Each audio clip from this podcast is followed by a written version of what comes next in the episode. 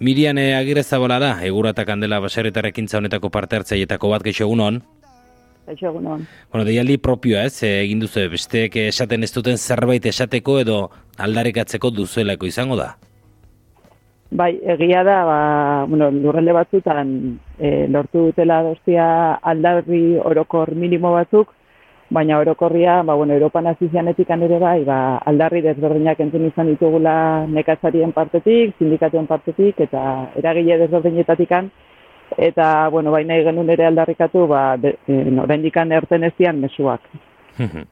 e, agroindustriaren parean, ez, jarri dezakegu agroekologiala jartzen dunik buruan, irudikatu dezake tamainari eta ekiteko moduari lotzen zaiola definizioa, baina eskatuko nizuke, azaltzea edo e, definitzea bai hor pixkat ereduen talka edo aipatzen dugu ez, ba, pixka azkenengo amarkadetan, e, bueno, bigarren mundu garran ondoren, ba, nekazaritzan eredu produktibitza bultzatu da orokorrian, e, mundu mailan izan genuke, eta ba, bueno, pixkat lurrari lotutako eredua eak ere aurrera jarraitu du, ba, nahiz da igual de, bueno, bere neurrian, modu txikiagoan, eta ba, bere baliabidekin aurrera egiten, eta ba, urte danetan egon da ere dut hori eta orain e, gerotan abarmenagoa egiten dela esan nuke.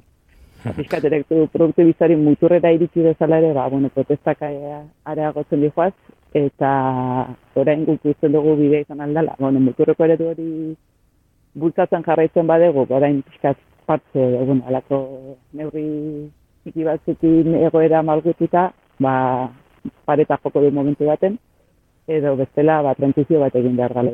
Ereduen talka hori aipatu duzu, eta noski hortik etira nahi ze, ari gara esaten ez, e, negazarien protestetan aipatu ditugu ideologiko kioso ikuspegi ezberdinak ere badirela, nabari da joera ezkertiara dutenen ekiteko modu bat, eskuindarra eta oso eskuindarra dutenen eh, beste bat, e, negazaritza eredu ari da okionez ere, e, ez alako talka aipatzen zenuen talka hori bada eta bideo oso ezberdinak daude ez da? Bai, bai, orokorrian bai. Azkenean, e, bueno, guk agroekologian ez dugu pizkat, e, lurrari, lurraren neurria eta gizan neurrira egindakoak, ez, ba, ez da ere, oindala berrogetan horreteko nekazaritzara gueltatzea, ez, ba, baliabideak erabiltzen ditugu. Baina, e, tamaina edo eskala dire ba, bai, e, bueno, dizuzko aldurralde txiki bada, eta ditugun orogra, dakagun erografia dugu, eta egokitu behar da egin aldan aktibidadea, ba, dakagun durrera.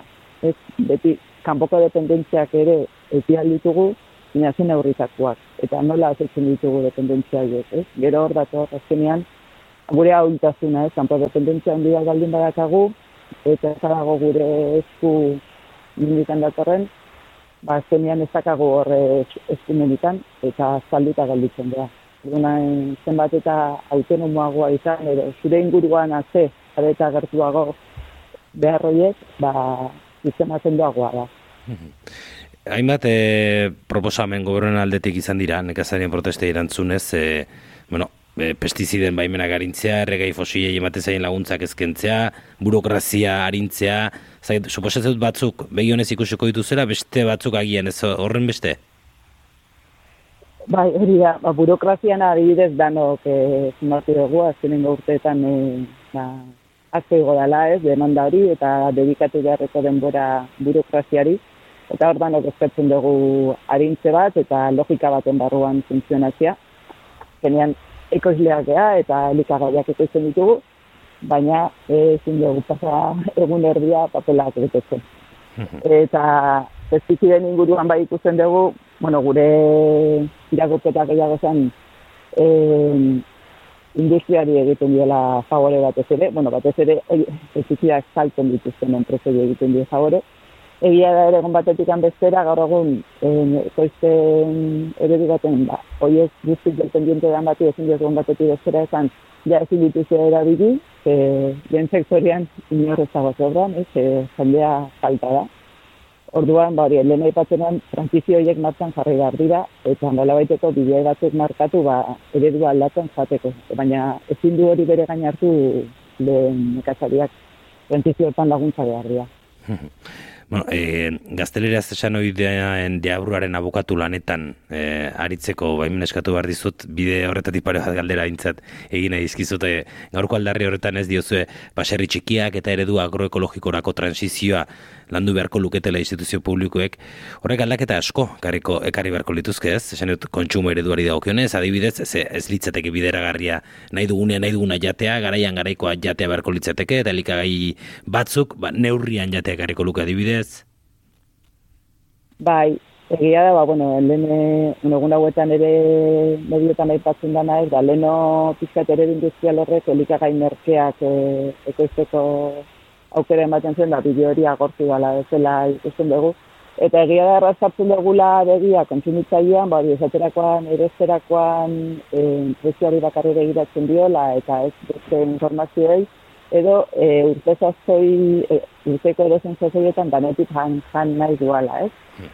Baina, bueno, pizkator, ba, eskatzen diogun bezala kontsumitzaileari, ba, hausnarketa bat egiteko, ba, guk ere hausnorketa bat egin beharko genuke horren inguruan, e, bari, nola ekoiztu eta gure erabakiak hartzeko orduan benetan zuzen baditzen, ala ez, hori da bukatzen bide bat, eh? Oza, guk ere hor ikasteko dakago eta aldatzeko dakago denbora guztian, bora indana gaina izugarrizko abia duran dijolako eta askotan ondala bosturte egiten zen zerbait, da igual orain ez hain zuzena.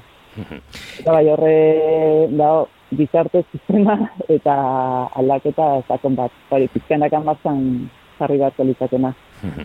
Eta e, lurraren inguruan, ez, nekazaritza eta beltzen zarako lurrak babestu lehentasunak elikagaiak sortzeari emanez, e, aipatzen duzu ere gaurko deialde horretan, Ipar Euskal Herrian borroka handiak, ari gara ikusten hauzionekin, nekazariak espekulatzaien aurka. Gurean lurrak eta honen espekulazioak duen pixoarekin borroka erronka handia da, hor, horko aldarri hori.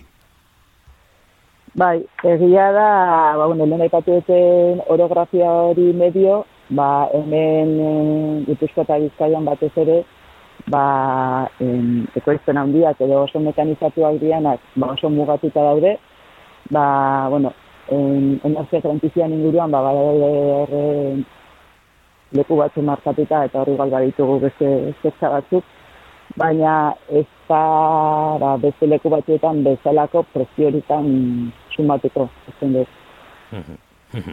ba, Mirian, e, agire zabala, e, urratak handela, eskerrik asko, nahiz erratian, ez zuen ikuspegia, azaltzeagatik. Zuei, eskerrik asko, gondidapenagatik.